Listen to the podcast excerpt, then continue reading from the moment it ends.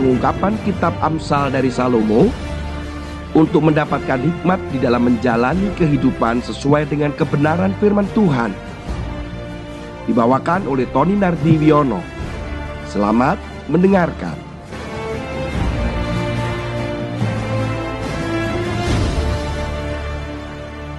Shalom Bapak Ibu sekalian, puji Tuhan kita bisa bersama-sama merenungkan firman Tuhan kembali pada hari ini. Firman Tuhan akan terambil di dalam Amsal pasal 10 ayat yang ke-26. Seperti cuka bagi gigi dan asap bagi mata. Demikian si pemalas bagi orang yang menyuruhnya. Saudara, ayat ini dikatakan adanya cuka bagi gigi itu merusak. Jadi kalau cuka terlalu banyak atau cairan itu mengenai gigi itu merusak gigi. Kemudian asap bagi mata maka mata kita akan pedih. Ini adalah pepatah-pepatah yang termasuk pepatah kuno saat itu bahwa bagaimana cuka itu bisa merusak gigi dan asap itu juga memedihkan mata. Dan itu dianalogikan, disamakan adalah kalau kita atau seseorang itu menyuruh, memerintahkan seorang pemalas. Itu pedih bagi yang nyuruh gitu. Itu sakit bagi yang memerintahkan atau lebih sederhananya begini.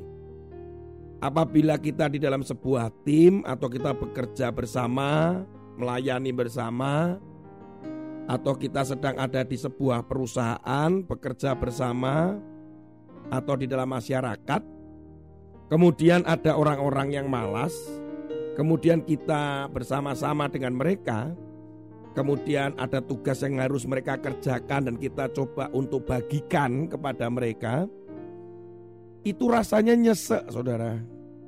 nyesek itu jengkel gitu. Pekerjaannya tidak tuntas, waktunya juga makin lama, tidak selesai sesuai dengan standar, bahkan sering menunda-nunda. Wah, saudara, itu nyesek di hati. Suatu hari saya pergi di sebuah tempat wisata, saat itu kebetulan sedang ada renovasi. Saudara, kemudian saya berdiri di lantai dua ketika saya makan bersama dengan anak-anak. Saat itu saya ajak anak-anak itu untuk memperhatikan tukang-tukang yang sedang melakukan renovasi di lantai satu karena bisa terlihat dari lantai dua. Coba perhatikan apa yang terjadi pada orang-orang itu yang sedang bekerja. Kemudian dua anak saya memperhatikan dengan baik. Kemudian ada tertawa-tertawa meringis begitu. Kemudian saya tanya, apa yang kamu tertawakan? Orang itu loh bekerja, kok rasanya santai sekali ya papi? Oke kita perhatikan yuk kami akhirnya memperhatikan orang yang bekerja itu ada dua orang. Sedang menata batu bata dan menempelnya dengan semen. Saudara, ketika orang yang akan menempel dan membawa batu bata dan semen, itu nempelnya itu mungkin cuma dua tiga batu bata tetapi merokoknya bisa lebih lama dari menata batu bata. Kemudian santai sambil ngobrol dengan teman-temannya yang ada di bawah sambil teriak-teriak, merokok lagi. Kemudian ayo batu batanya, batu batanya cuma ngambil dua, semennya cuma satu ember, menata tiga empat bata, eh ngerokok lagi. Kemudian pada saat itu jam istirahat karena sekitar jam 12-an sejenak saya sudah melihat dua orang itu sudah tidak ada entah ke mana kemudian pergi. Dan tampaknya dalam waktu atau kurun waktu satu jam itu tembok yang ditata dengan batu bata itu kayaknya tidak ada perubahan sudah. Serius. Saya ketika membangun rumah kami pun Suatu kali kakak saya itu mempercayakan itu kepada mandor untuk menyelesaikan rumah kami. Sesuai dengan perhitungan seharusnya ketika kami setelah menikah kemudian saat itu kami pelayanan keluar sekaligus berbulan madu. Waktunya hampir 3 sampai 4 minggu waktu itu. Perkiraan kami, kami pulang sudah bisa menempati rumah ya setidaknya tempat untuk tidur lah begitu. Menurut perhitungan kami dan menurut perencanaan itu selesai. Tapi faktanya nggak selesai saudara. Akhirnya terpaksa kami harus terlunta-lunta mencari tempat kos. Bahkan sempat beberapa hari menginap di rumah teman kami. Kemudian akhirnya saya menginap di mertua kurang lebih hampir satu tahun rumah kami juga nggak selesai-selesai. Apa yang terjadi? Yang ada adalah kami membayar setiap minggu karena bayarannya adalah mingguan karena mereka dihitung secara harian. Uang banyak keluar tapi tidak terjadi perubahan ketika kami datang melihat rumahnya ya nggak terjadi perubahan apa-apa. Akhirnya saya mengambil alih, kemudian semua tukang saya berhentikan, mandornya juga saya berhentikan karena nyesek di hati. Kemudian saya ganti dengan orang-orang, saya memilih orang-orang yang memang rajin, orang-orang yang mau. Dan akhirnya dalam waktu kurang lebih satu bulan, langsung semua terlihat perubahan. Lantai sudah di keramik, kemudian tembok dicat, pagar terpasang, semuanya dengan cepat dalam waktu satu bulan lebih sedikit. Saudara, akan kelihatan bedanya mana yang malas dan mana yang rajin. Saudara, firman Tuhan ini mengingatkan kita bahwa kalau kita sampai ketemu dengan orang-orang yang malas, lebih baik jangan bekerja bersama dengan orang yang malas. Atau ketika kita melayani Tuhan lah, akan menyesek di hati Saudara jangan berkata bahwa oh itu kita harus mengasihi mereka, kita harus kasihan dengan mereka. Saudara, kasih itu ada disiplin. Mereka malas atau tidak, itu adalah keputusannya mereka. Allah saja membenci orang malas. Kemudian kita diperhadapkan pada orang-orang yang malas yang tidak mau berubah. Maka apa yang harus kita lakukan? Doakan sudah, kemudian lepaskan saja. Biar urusannya dia pribadi dengan Tuhan. Mungkin saudara menganggap bahwa ini kejam. Tetapi coba melihat bahwa ketika ketemu dengan orang malas yang ada adalah nyesek di hati, sakit kalau dalam ayat tadi dikatakan cuka bagi gigi, asap bagi mata, itu akan mempengaruhi kita. Mempengaruhi produktivitas, pertumbuhan rohani, semuanya akan terpengaruh karena akhirnya kita tidak bisa pekerjaan-pekerjaan Tuhan itu bisa tuntas. Pekerjaan-pekerjaan di kantor tuntas. Pekerjaan-pekerjaan sosial dan pelayanan saudara tuntas. Yang ada adalah terbengkalai. Saya pernah bekerja bersama dengan seorang hamba Tuhan, mahasiswa sekolah teologi. Kami mencoba untuk terus memberi kesempatan tetapi masalahnya adalah itu terus berulang. Bangun kesiangan, latihan tidak datang, dapat tugas tidak selesai. Berulang-ulang. Orang lebih tiga empat kali berulang-ulang. Akhirnya sponsorship kami tarik. Orang mungkin mengatakan Pak Tony jahat, Pak Tony kejam. Tetapi kesempatan sudah diberikan berulang-ulang. Yang mana sebetulnya itu mendorong dia untuk rajin. Sanksi pun sudah diberikan. Tetapi tetap saja tidak ada perubahan. Saudara kekasih di dalam Tuhan, jangan sampai kita bersama-sama dengan orang yang memang tidak mau rajin dan berubah ketika hidupnya terus saja dalam kemalasan. Firman Tuhan dikatakan ada beberapa hal yang kita memang harus lepaskan. Saya akan berikan contoh saja langsung dengan Yesus saja. Ketika Yesus bertemu dengan orang muda kaya, kemudian dia menceritakan bahwa dia sudah melakukan semua yang ada di dalam Taurat.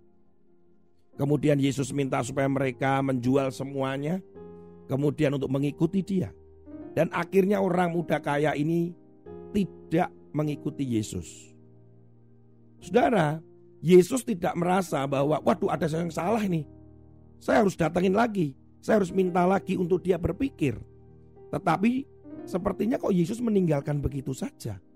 Kemudian bahkan Yesus mengatakan tentang apa itu kaya dan orang kaya itu bagaimana. Saudara, tidak semuanya itu menjadi tanggung jawab kita. Yesus saja akhirnya ya membiarkan karena orang muda itu punya pilihan. Yang kedua ketika murid-murid Yesus ada yang meninggalkan Yesus ketika Yesus berkata keras.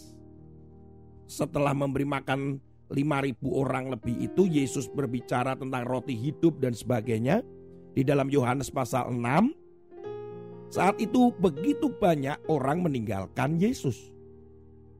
Mengapa kok Yesus tidak kemudian pergi kepada mereka dan ayo ikut lagi, ikut lagi. Maaf, maaf, sorry, sorry. Ayo ngomong lagi lah, saya akan ngomong lebih halus.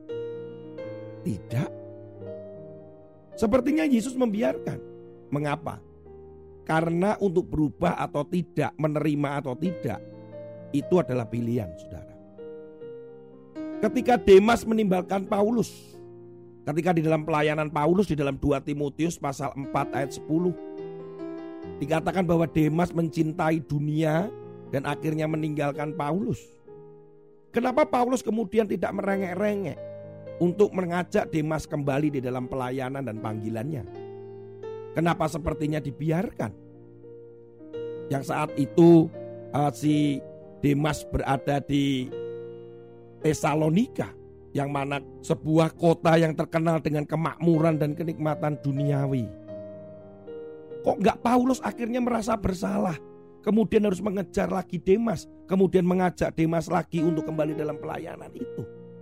Saudara, tidak semua orang itu adalah tanggung jawab kita saudara. Karena mereka juga punya tanggung jawab pribadi dan punya hubungan langsung dengan Tuhan. Kita sudah mengingatkan, kita sudah mendorong, memfasilitasi, mengajak, mendoakan, menolong tetapi kembali lagi keputusan kepada mereka.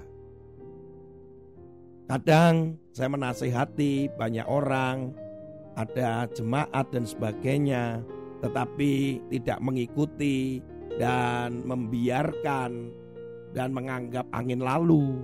Ya, saya harus mengatakan pada diri saya sendiri, sampai istri saya juga pernah mengatakan sudah papi Kenapa sih papi kok mikirin? Kadang saya kepikiran juga saudara. Tetapi semakin saya banyak memikir semakin nyesek di hati. Dan semakin membuat saya tidak bisa melihat hal yang lain yang bisa dikerjakan, dilakukan.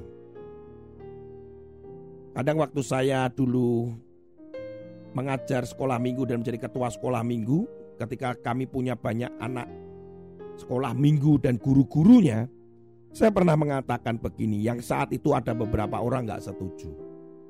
Seandainya saya misalkan sebuah ilustrasi, saya sedang mau menaiki gunung.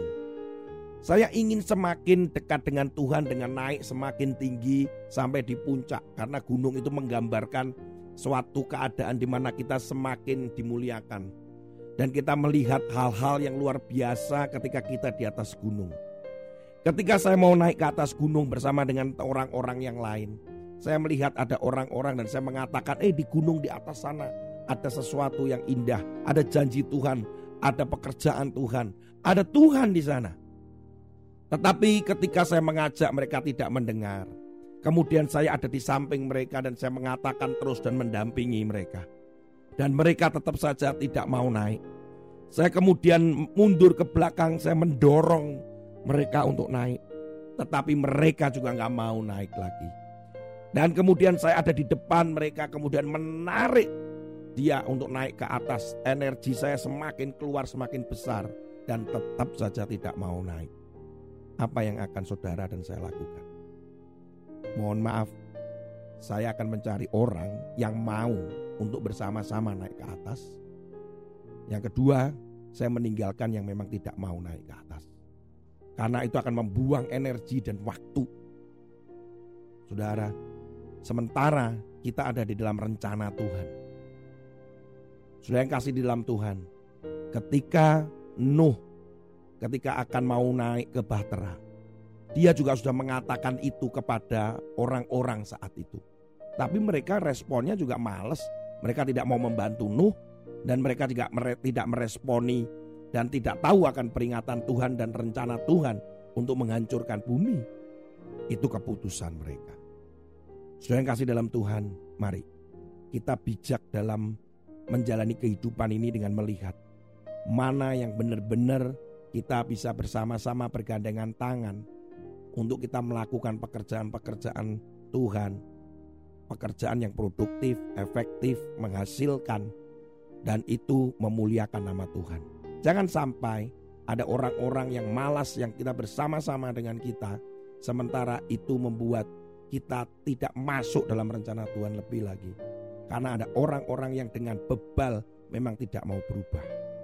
Tuhan Yesus memberkati saudara. Semoga ini menjadi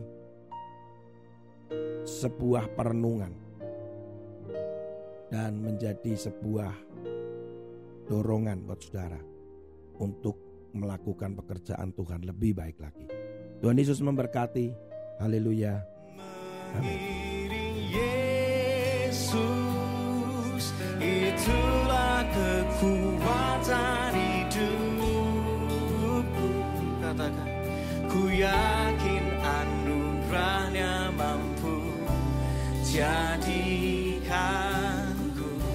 hamba yang berkenan